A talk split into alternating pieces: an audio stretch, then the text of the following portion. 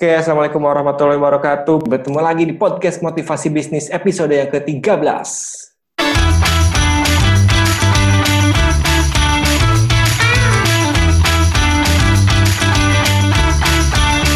Oke, kali ini kita akan ngobrol santai dengan pakar kesehatan yang sudah banyak pengalamannya.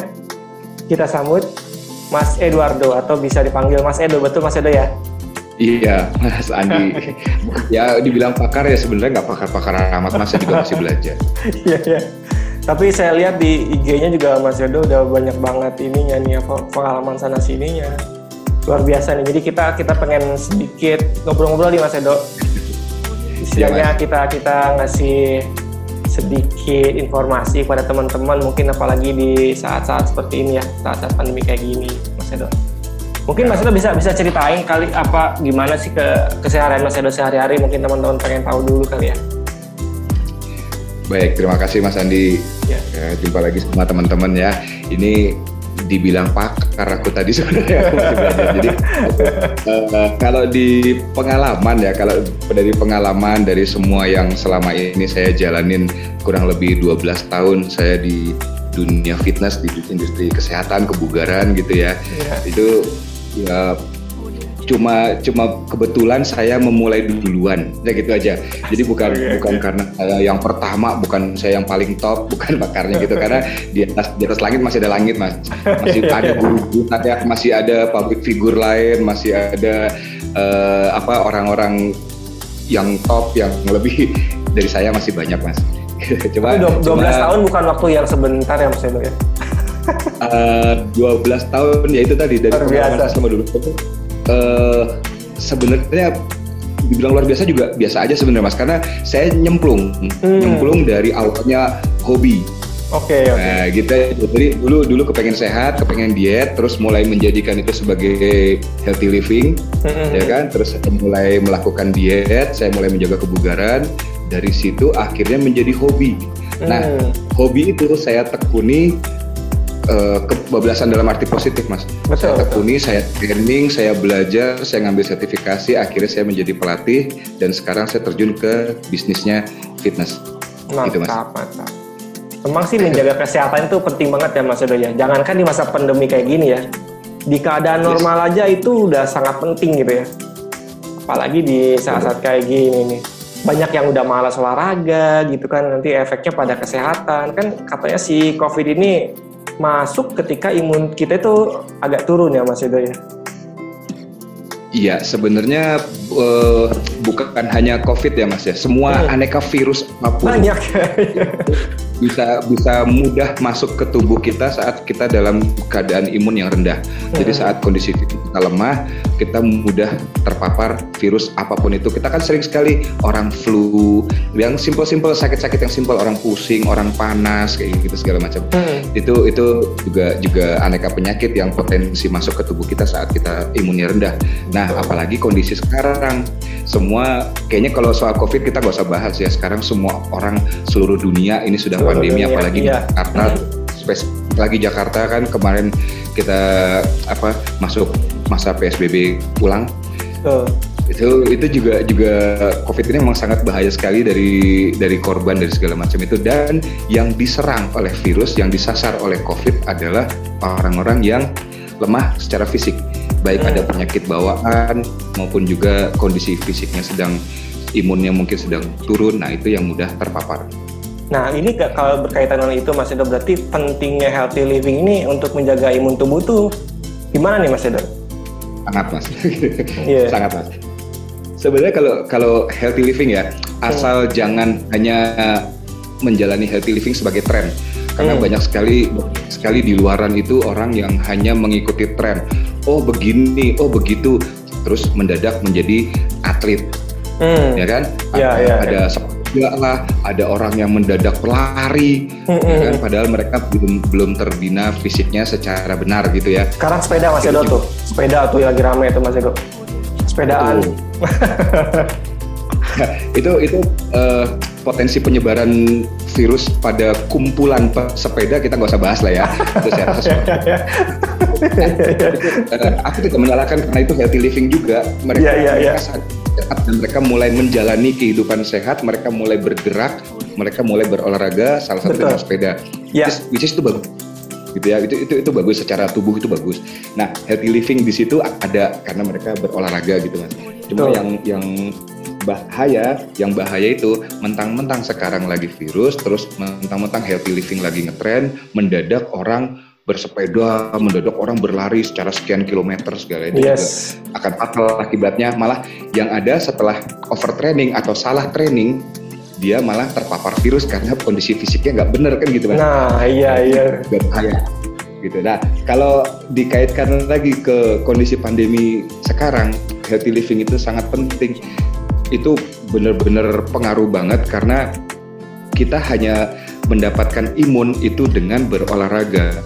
Yes. Kalau vitamin kita suplemen kita segala macam itu untuk fungsi-fungsi tubuh. Kita tahu yeah, semua yeah. suplemen suplemen ada untuk jantung, suplemen hati, suplemen segala macam. Tapi imunnya imunnya itu nggak ya. ada suplemen. Tubuh sendiri ya. Itu hanya iya. hanya dari alami tubuh sendiri. Terus kemarin juga ada matahari ya, itu kan semua sifatnya alami untuk mendapatkan vitamin D dari surya, dari matahari gitu ya, yeah. pada pagi hari itu alami. Kita nggak bisa mengkonsumsi itu semua. Kita nggak bisa, kita tidak berolahraga, tidak menjalani healthy living, terus kita jadi sehat gitu terhadap virus gitu, nggak nggak bisa dijamin begitu mas. Yeah, ada yeah. vitamin, aneka vitamin A, B, C, D sampai K vitamin segala macam juga itu hanya suplemen. Suplemen kan sesuai artinya yaitu penambah Iya. Jadi bukan itu intinya untuk ngebangun imun. Nah, ngebangun imun benar-benar hanya dengan healthy living. Yes, yes, yes. Dulu itu saya juga sempat? Sering ke gym, Mas itu.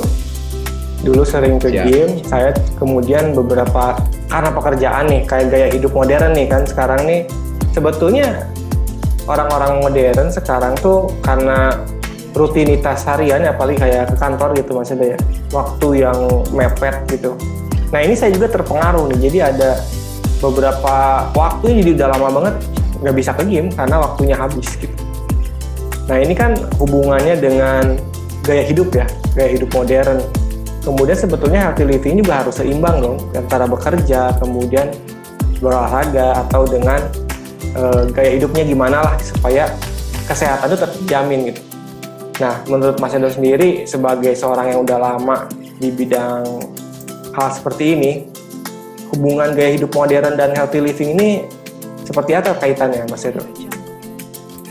Iya mas, aku di gym itu sering ketemu dengan klien, dengan member gitu ya. Saya hmm. juga ketemu teman-teman lama saya yang tidak berolahraga gitu mas. Iya. Aneka, aneka kehidupan masyarakat modern sekarang ini gitu kan. Betul. kan. Mereka sibuk bekerja, mereka iya. kehabisan waktu di kemacetan lalu lintas. Wah, sangat-sangat. Sangat hangat kan itu sangat nah,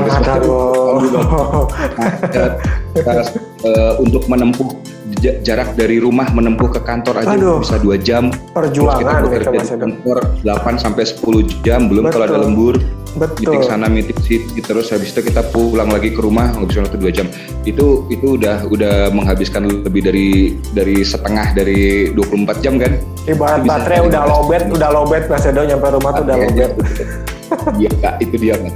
Itu itu kehidupan masyarakat modern di perkotaan sekarang. Hmm. Uh, se sebenarnya pengaruhnya tuh simpel banget mas. Kalau kesehatan ya, kalau kesehatan kita bicara kesehatan uh, ada, saya sering sebutkan tuh ada segitiga faktor. Hmm. Nah, faktor segitiga ini sama sisi mas. Ya. Jadi yang yang yang satu adalah pola makan, Oke. Okay. Kedua adalah pola latihan, pola olahraga ya. Mm-hmm. Yang ketiga ini pola istirahat. Oke. Okay. Nah, saat salah satu titik dari segitiga sama sisi itu berat sebelah, dia akan jadi sama kaki, bukan sama sisi, Mas. Iya. Jadi ya, mencong ya. dikit. Betul, betul. Mencong. Kan? Tidak seimbang nah, ya. Jadi tidak seimbang. Kalau misalnya lebih berat, lebih berat uh, bekerja terus kita jadi makan jadi nggak teratur ya. latihan atau olahraga jadi kurang akhirnya tidur kurang malah jadi flat garisnya mas jadi nggak jadi segitiga mas ya kan? Jadi saya selalu saya selalu mengumpamakan dengan segitiga sama sisi, yeah, di mana yeah. semua sisinya harus seimbang. Yes. Gitu lah. Nah, sekarang banyak sekali orang alasannya bekerja, alasannya sibuk, alasannya deadline, alasannya meeting, alasannya macet. Tapi masih sempat main game, masih sempat chatting, masih sempat pegang gadget, masih yeah, sempat yeah. nonton, nonton TV gitu ya, TV. ya kan? Drakor TV ya maksudnya. Drakor segala macam. Tapi nggak sempat olahraga mas. Ya. Padahal dari 24 jam kehidupan manusia dalam sehari itu kita hanya butuh 40 menit aja mas. Hmm, oke. Okay. Gitu. Jadi sebenarnya sebenarnya untuk healthy living itu orang perlu dipencet tombolnya, perlu hmm. dipush ini triggernya mas. Terus yes. dinyalakan on off-nya saklarnya itu supaya hmm. ayo loh, cuma 24 jam sehari masa iya 40 menit doang nggak punya waktu. Iya, iya. Sedangkan nonton drakor bisa 2 jam 3 jam, Mas. Iya, ya kan? kali. Bahkan bisa seharian kalau kalau libur. Betul. Dua jam pergi menuju tempat pekerjaan atau tempat ketemuan teman. Iya. dua jam menuju pulang. Ya kan? Ya, Tapi betul. cuma 40 menit doang. Jadi kayak setiap manusia tuh kayak di belakang kepalanya ada tombol on off-nya yang perlu dicetekin gitu. Iya, iya. diingetin ya, diingetin. Apa ya? Iya, untuk bisa mencapai keseimbangan dari segitiga sama sisi tadi itu. Ya, Karena ya, kita ya. benar-benar bangun imun, balik lagi ke awal tadi kita ngebangun imun dengan hmm. cara healthy living. Mau era modern, mau era zaman dulu pun kita tetap membutuhkan tiga faktor pola makan yang sehat, pola istirahat yang cukup, sama pola latihan yang benar. Ya, ya, ya, ya. benar sekali, benar-benar benar Pak itu. Nah, tadi kan kita ngomongin tentang orang-orang kantor gitu kan Mas Edo ya ya seperti saya juga sebetulnya dari rumah misalnya saya jalan tuh ke kantor sekitar satu setengah jam. Itu kalau naik motor. Kalau naik motor kalau naik kendaraan umum tuh bisa dua jam betul pertama saya tadi tuh. Nah dengan keadaan seperti ini ya dengan rutinitas kantor seperti itu kemudian ya dengan keadaan dunia kerja sekarang otomatis kan ya tadi bilang kan ada waktu olahraganya nggak ada. Nah pasti ini pengaruhnya kesehatan ini terhadap dunia bisnis atau dunia kerja ini pengaruhnya sesignifikan apa sih Mas Edo? Oke, kalau pengaruhnya kita uh, dalam dunia kerja tuh Mas ya. Iya. Kita kan sebagai manusia gitu ya, laki-laki atau perempuan lah ya. Hmm. tapi saya saya lebih lebih generalis saja ke manusia gitu ya Mas ya. Iya. Nah, dalam dalam ini kehidupan sehari-hari. Kita kan dalam manusia ini sebagai makhluk ciptaan Tuhan gitu mas ya. Kita yes. harus bersyukur kita udah diberi kemampuan diberi badan diberi fisik ya kan? Kita bisa berpikir kita bisa menyesuaikan diri kita bisa berkarya. Nah kita juga punya kesempatan dan peluang yang sama dalam berbisnis. Itu mas. Nah itu yang harus dimaksimalkan mas. Apalagi yeah. kita semua pasti paham uh, mencari nafkah penghidupan yang layak itu yeah. kan wajib hukumnya ya dalam Betul. dalam ajaran agama apa pun saya rasa semua sama ya sama, kalau dalam sama. agama Islam ada fardu kifayah gitu mas ya. Hmm. Nah manusia sebagai ciptaan Tuhan tadi harus bersyukur mas udah dikasih tubuh dikasih indera segala macam itu. Jadi kalau kalau untuk menjaga kewajiban badannya aja tidak bisa meluangkan waktu gitu ya. Dan iya. gimana yeah. dia untuk bekerja? Maksud saya betul. kalau dia tidak bisa memiliki fisik, tidak memiliki kesehatan, dia akan jatuh sakit, Mas. Ya, Ada aja ya. masalah, mungkin betul. mungkin ya mungkin tangannya mungkin lemah atau mungkin kakinya tidak bisa berjalan.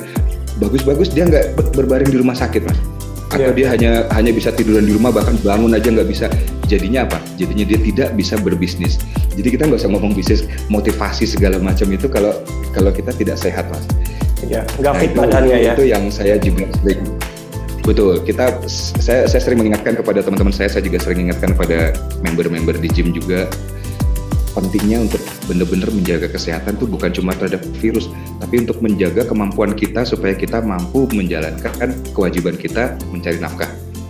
Yes. Nah, di situ baru kita masuk ke bisnis, mas. Hmm. Nah, kalau kita sudah bicara mencari nafkah, kita baru masuk ke bisnis. Bisnis itu kan uh, ada dalam bisnis kan ada prinsip-prinsip dasar ekonomi gitu, mas ya. Iya. Yeah, yeah. Di mana pemasukan kan harus lebih besar daripada pengeluaran supaya kita bisa mendapatkan profit itu standar lah semua gitu ya. Iya. Yeah Nah, kesehatan juga mas. Healthy living atau apa pun itu kesehatan segala macam itu juga kita bisa sebutkan itu sebagai investasi mas. Iya, iya. Nah, iya, investasinya apa? Investasinya bukan investasi uh, simpanan. Kita bukan investasi berjangka, ya kan? Nah, investasi dalam kesehatan ini adalah di mana kita tidak membuang-buang uang secara percuma. Iya, iya. Jadi kita meminimalis meminimaliskan pengeluaran. Iya. Ya kan? Meminimalkan pengeluaran supaya semua pemasukan yang kita dapatkan dari bisnis itu dari kita dari pekerjaan kita mencari nafkah itu tidak larinya ke obat, tidak larinya ke ke, eh, ke rumah sakit. Tahu sendiri ya Iya. harga rumah sakit Karena sekarang ya, obat-obatan, lu harga Betul. juga mantap Itu banget kan. itu. Jadi jadi kita ini kita ini kerja untuk apa gitu kan? Kita Iya. ini kerja untuk kita ini kerja untuk mencari nafkah, kita berbisnis untuk mencari keuntungan. Kan akan Iya. terbuang percuma. Kalau apa yang kita kerjakan, apa yang kita cari banting tulang kena macet tiap hari ke kantor, ketemu meeting-meeting klien segala itu hanya untuk bayar Rumah sakit. dokter, dokter. Iya, hanya iya. untuk ngamuk di rumah sakit Iya, itu iya, cuma itu investasi karena biar gimana pun apa pun olahraga itu tetap lebih murah dibanding bayar kesehatan mas Iya, iya, benar, benar. gitu kira-kira kira-kira untuk untuk eh, apa untuk bisnisnya seperti itu mas Ya, benar. skemanya seperti prinsip ekonomi jadi kita kalau di prinsip ekonomi itu kita pemasukan nah kalau di kesehatan apa pun yang kita kerjakan kita pasti menghasilkan pemasukan dong Ah, pasti ada Iya. income kan pasti. income. Nah itu income itu mau diinvestasikan ke mana, mau disimpan, mau di apa, tapi tetap lebih baik, jauh lebih baik dibanding kita buang percuma untuk me- me- apa, memperbaiki kesehatan badan kita gitu. Iya, benar. Jadi bisa di, saya bisa bilang itu sebagai investasi. Iya, iya, setuju Mas Edo. Dulu ketika saya masih sering ke gym juga perasaan badan tuh emang lebih fit ya. Kerja juga lebih lebih enak gitu kan. Istilahnya badan tuh beda lah rasanya ketika sudah dari game terus kita istirahat fit banget badan itu rasanya beda ketika ini sekarang tuh karena, karena jarang Iya, jarang betul. udah jarang jadi kerasa tuh kadang lagi di rumah terus gitu kan aduh perasaan Ya, pegal-pegal mulu Oke dong, kita mulai lagi. Iya, mulai lagi iya, mas, mulai lagi olahraga. Jadi kita mulai mulai investasi karena kita olahraga sekarang mas. Hasil dari olahraga sekarang itu kita nikmatinya nanti mas di kemudian hari.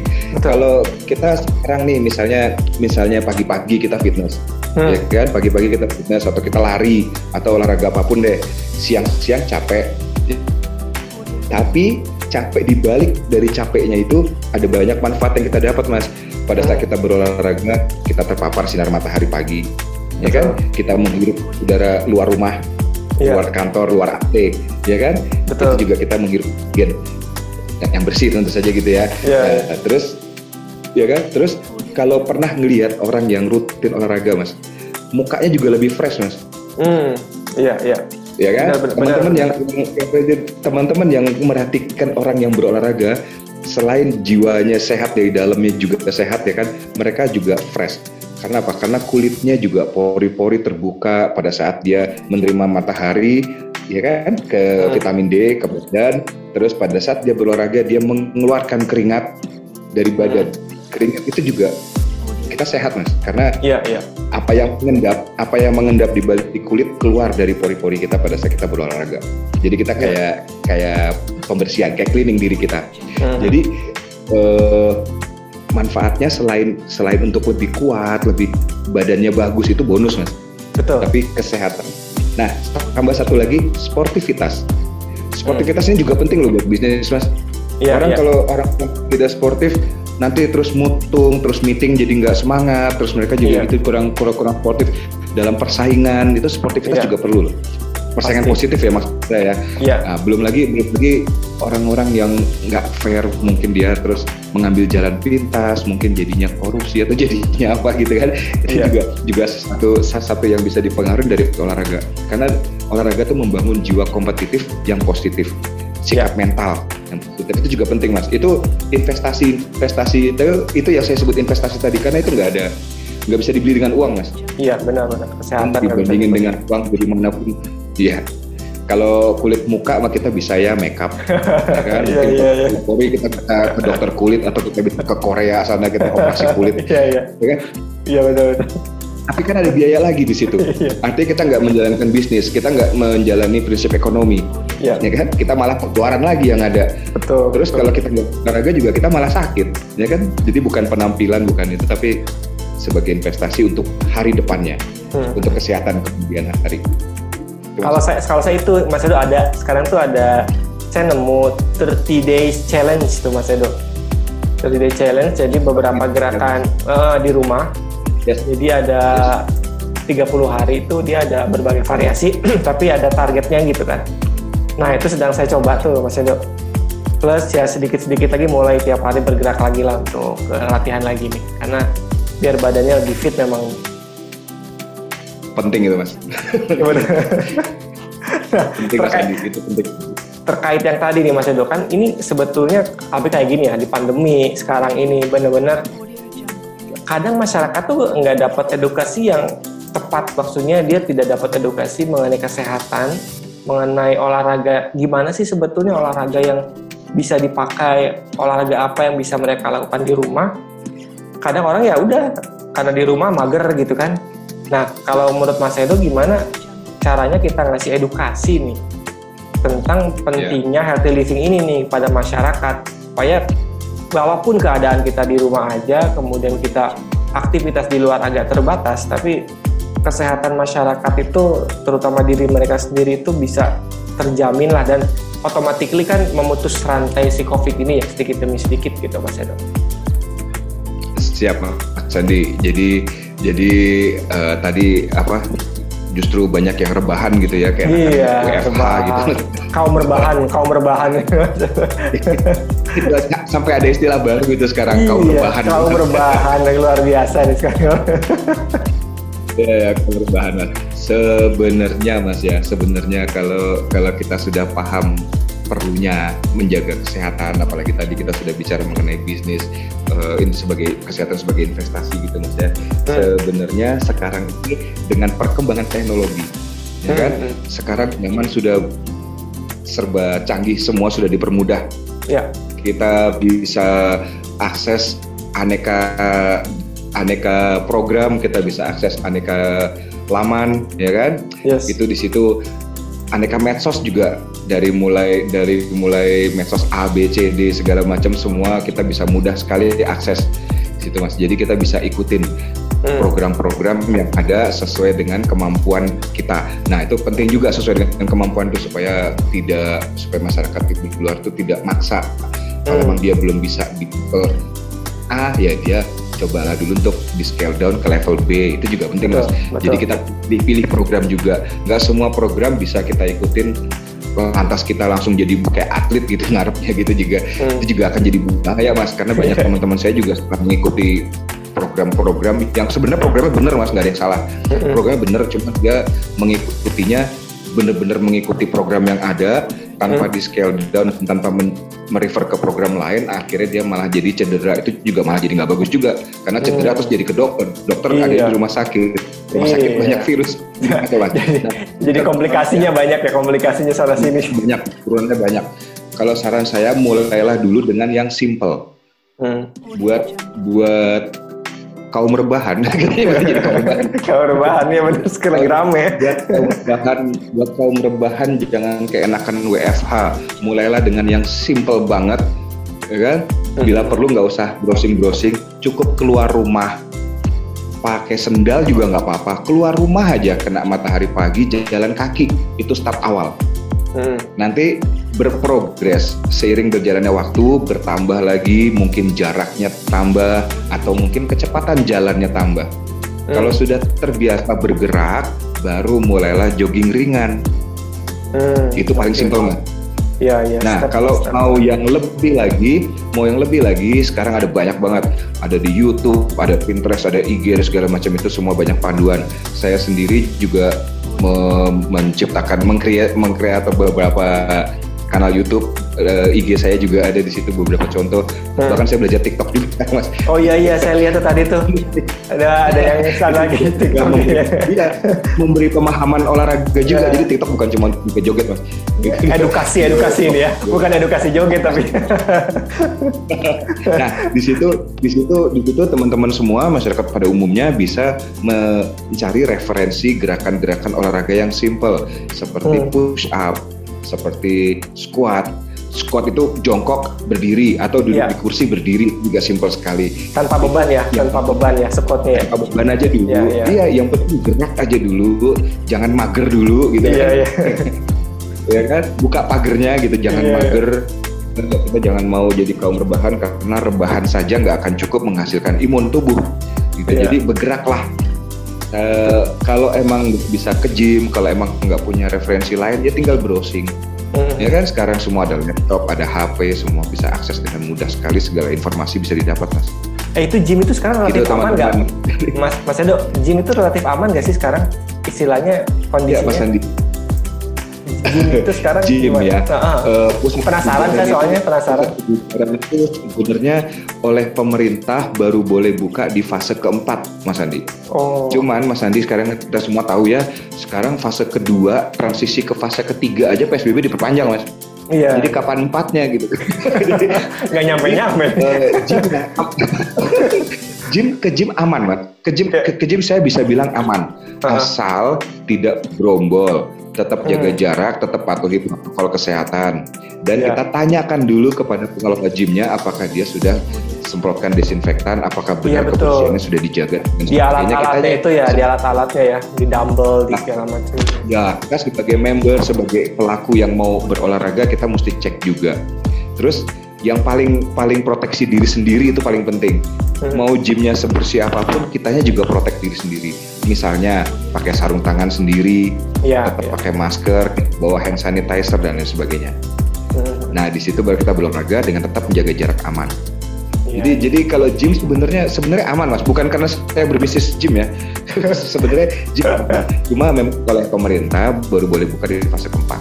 Iya karena saya dengar sih. Kalau dibilang saya dengar dari Om Deddy Corbuzier juga tuh gymnya agak agak ini agak menurun katanya kan karena ya membernya mungkin ya Betul. agak agak masih worry gitu untuk hadir di gym. Nah ini ini ini justru justru saya kalau bicara bisnis ya ini ini topik kita bisnis mas ya. Siap. Saya melihat satu peluang di sini mas. Oh oke okay, oke. Okay. Kita kita kita masuk ke era era sekarang ini semua serba digital kita di gym juga teman-teman pengelola gym, pengelola pusat kebugaran atau pelatih-pelatih di luar sana juga barangkali mulailah untuk melek teknologi. Hmm. Jadi saya justru yeah, melihat yeah. peluang di sini. Sebagai yeah, yeah. kita bicara motivasi bisnis kan di sini Betul. sebagai peluang kecil apa pun kita iya, benar, benar, benar, benar. Nah, di pusat kebugaran itu kan memang sekarang orang takut ke pusat kebugaran ya kan karena pemerintah juga belum menyarankan ya yeah. kan itu juga belum dibuka PSBB-nya masih diperpanjang yeah. nah ada peluang mas mm. kita olahraga online oke okay.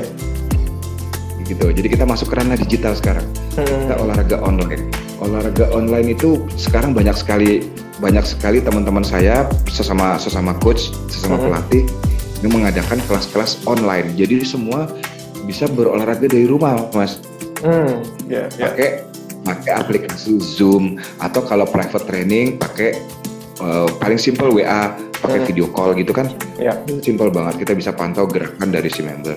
Hmm. Gitu. Jadi jadi saya justru mencium peluang di balik ke kelesuan, kelesuan bisnis, bisnis. kebugaran. betul, betul. Sebenarnya ada ada ada ada simple lagi. Kita nggak bisa terpaku pada bisnis kebugaran yang simple, yang yang lesu karena olahraga bisa di luar rumah gitu kan. Jadi ya. kalau memang di dalam gym, di dalam gym lesu, bawalah alatnya keluar. So what gitu. nah. gitu. Kita bisa olahraga di luar di luar aman kok. Iya ya, kan? benar, benar. di situ di situ saya lihat peluang lah. Gitu. Iya, iya. Di situ saya lihat peluang. Emang kita ditutup nah, lebih kreatif ya. Betul. Lebih kreatif. Akhirnya sekarang saya pun masuk ke ranah digital. Saya mencoba hmm. untuk lebih kreatif tadi itu Mas Adi. Betul. Jadi saya juga membuat online, saya membuat uh, beberapa beberapa konten. Konten untuk di, di Instagram, konten untuk di TikTok, konten untuk di YouTube, gitu. Yeah. Juga membuat kelas-kelas Zoom dan sebagainya. Jadi kita masih tetap berusaha untuk kalau zaman Orde Baru dulu mengolahragakan masyarakat gitu. Iya betul. Itu slogan yang cukup terkenal dulu itu. Mempersiapkan olahraga dan mengolahragakan masyarakat. Iya benar-benar sangat terkenal itu. Oke, Mas Edo, ini mungkin ada tips nggak nih dari Mas Edo nih? Apa mungkin ada beberapa teman-teman pengen tahu olahraga apa saja yang bisa kita lakukan di rumah yang sederhana tapi memberikan impact yang bagus buat kesehatan kita nih Mas Edo. Oke, okay. yang paling simple banget olahraga yang paling basic banget itu adalah squat. Oke. Okay. Gerakan squat itu dari posisi berdiri hmm. kita jongkok. Ya, kalau kalau belum bisa jongkok mungkin bisa dimulai dengan duduk dulu kita bisa scale down dengan duduk. Yeah. Jongkok berdiri, jongkok berdiri, hmm. gitu mas itu ya. itu akan menggerakkan akan menggerakkan otot-otot dari pinggang, hmm. paha, hmm. paha bagian depan dan belakang ya, ya. sama betis. Betis ya, lumayan nah, tuh. Yang paling utama manfaat dari gerakan squat itu adalah untuk gluteus mas, untuk maaf ya untuk bokong. Malah konon konon seorang Jennifer Lopez melakukan squat 100 kali sehari. Oh, pantesan. pantesan kan dia pantesan. jadi ini Lopez gitu. iya diperjelas ya maksudnya itu gerakan yang paling penting iya, iya, iya. Nah, saya bilang gitu yang dasar karena sejatinya gerakan squat itu sudah kita lakukan sejak bayi mas sejak hmm. anak kecil bukan bayi iya. sih ya batita lah sejak dua tahun itu anak mulai bisa belajar berjalan. Iya. Kalau perhatikan anak kecil, anak kecil itu mengambil barang di lantai tidak ada yang membungkuk mas iya benar gitu kan mas Adi iya. perhatikan anak kecil mengambil barang di lantai selalu dia jongkok iya benar di mana-mana anak kecil ngambil barang di lantai selalu jongkok itu squat mas makanya hmm. saya bilang itu paling basic banget dasar iya. banget hmm, benar-benar ya kan nah yang salah dari posisi membungkuk adalah tarikan pada otot punggung makanya hmm. banyak orang yang udah jompo punggungnya bongkok hmm. Gitu kan?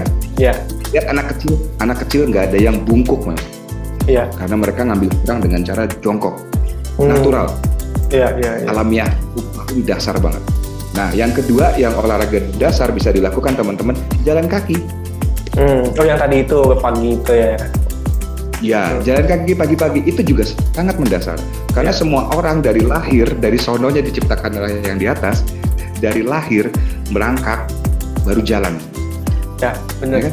ya. Gak ada orang yang habis merangkak, habis merangkak terus berapa bulan kemudian dia lari nggak ada mas. Iya. Jangan dulu. Iya. Itu cik lagi mas. Iya. Ya. Olahraga olahraga sangat simple yang orang sering lupakan. Jadi hmm. orang karena karena uh, ini ini ini jadi sisi lain nih negatif hmm. uh, sisi negatif dari healthy living dari hmm. tren. Nah, gimana gimana gimana? Itu dari tren. Orang hmm. cenderung karena sekarang beraneka ragam berseliweran konten-konten tentang olahraga hmm. Keren-keren, bodinya bagus-bagus, perut six pack, pahanya mau segala macam gitu mas ya. Yeah. Jadi orang ikutin yang keren-keren mas, hmm. melupakan yang basic. Iya, iya, iya. Jadi dia malah bukannya sehat jadi cedera. Kornya belum kuat ya, kornya ya. Belum, belum kuat kornya, belum kuat kuda-kuda kakinya. Iya, ya kan? Iya, mungkin mungkin dia aslinya kuat, cuman hmm. karena sudah lama sudah lama mager, sudah lama rebahan, jadi kekuatannya berkurang karena uh, kayak di akuntansi juga mas, otot yeah. itu ada penyusutan dengan bertambahnya usia. penyusutan barang ya, penyusutan barang. gue ngomongin ngomongin olahraga balik-balik ke bisnis, jadi seru juga nih kayaknya. Iya.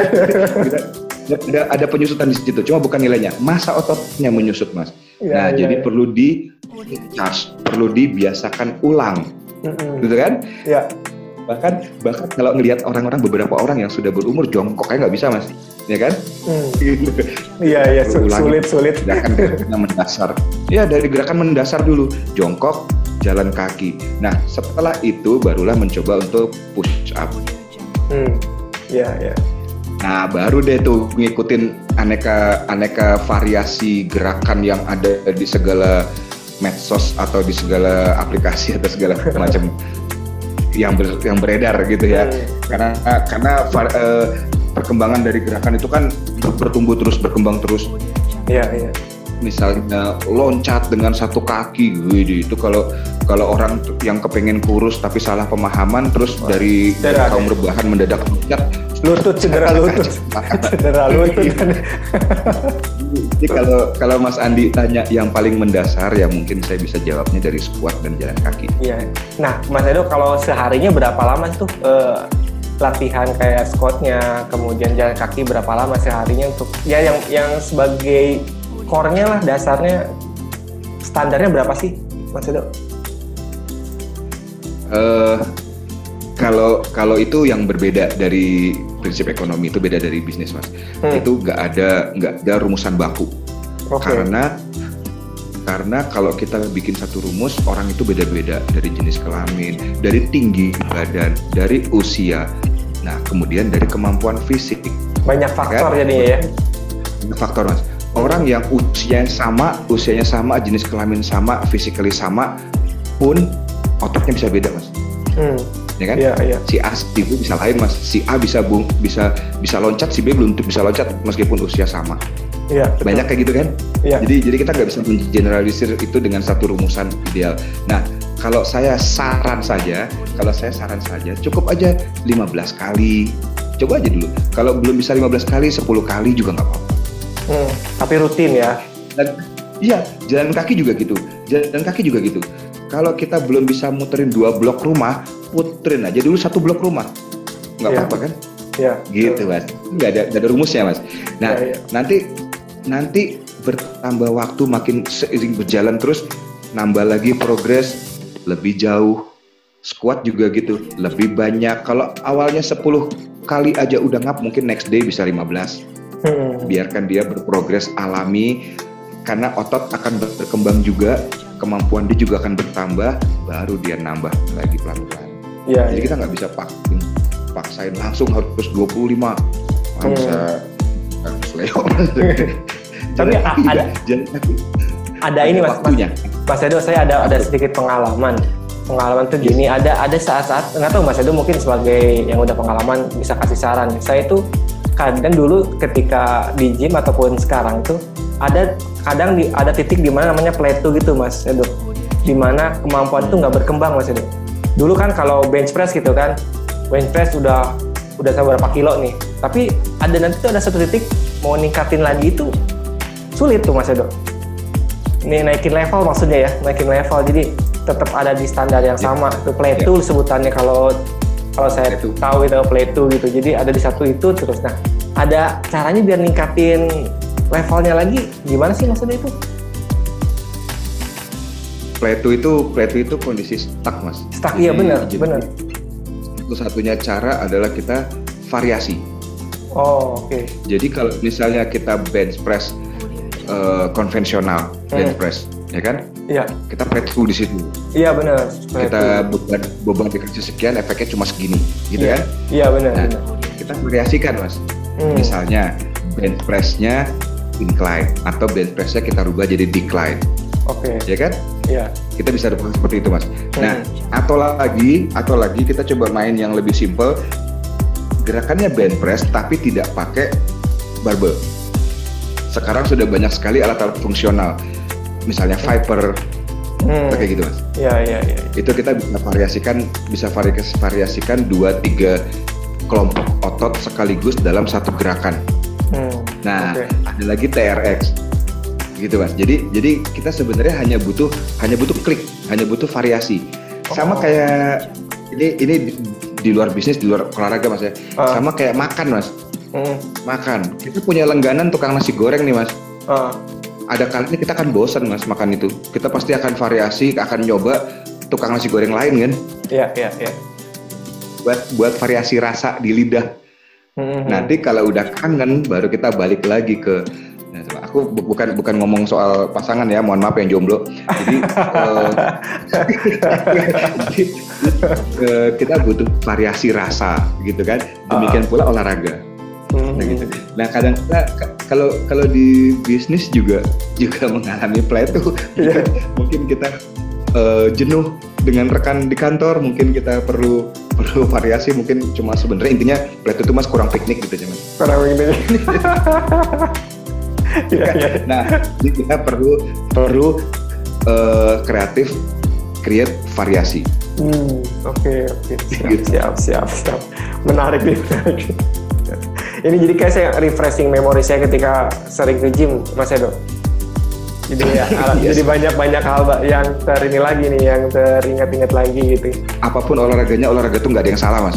Hmm. Jenis olahraga apa pun tidak ada yang salah. Yang Siap. salah itu cuma orang yang nggak pernah olahraga mas. Iya, iya. benar-benar ya tim tim, tim apalagi kalau kita kaitkan iya apalagi kalau kita kaitkan dengan bisnis tadi ya hmm. itu olahraga itu investasi ya kita kalau badan kita aja nggak sehat gimana mau gimana mau kerja iya benar-benar setuju Oke Mas Edo, ini aduh terima kasih nih seru, seru banget nih kita ngobrol tentang kesehatan. Thank you banget ini, thank you banget. Oke, mungkin aku, dari aku dari terima kasih Mas Andi. Iya, kasih diundang ke podcast ini pengalaman baru bagi saya juga. iya, iya, sama-sama Dok. Ini juga saya belajar banyak, hal baru. Banyak banget ilmu-ilmu yang didapat hari ini tentang gimana ada triangle, makan latihan istirahat harus seimbang ya kan. Kemudian ada banyak tips latihan yang bisa dilakukan di rumah. Ini mungkin bisa jadi banyak masukan buat saya pribadi tentu saja dan buat teman-teman yang dengar kali ya Mas Edo ya. Siap Mas Andi. Iya, iya. Oke Mas Edo, terima kasih sekali lagi sudah datang di podcast motivasi bisnis. Semoga kita bisa Sama lain waktu bisa ngobrol-ngobrol lagi. Yes. Dan kita Ayo olahraga Mas Andi. Siap, siap. Oke teman-teman, terima kasih udah hadir hari ini dengerin dan sampai bertemu lagi di podcast motivasi bisnis selanjutnya. Wassalamualaikum warahmatullahi wabarakatuh.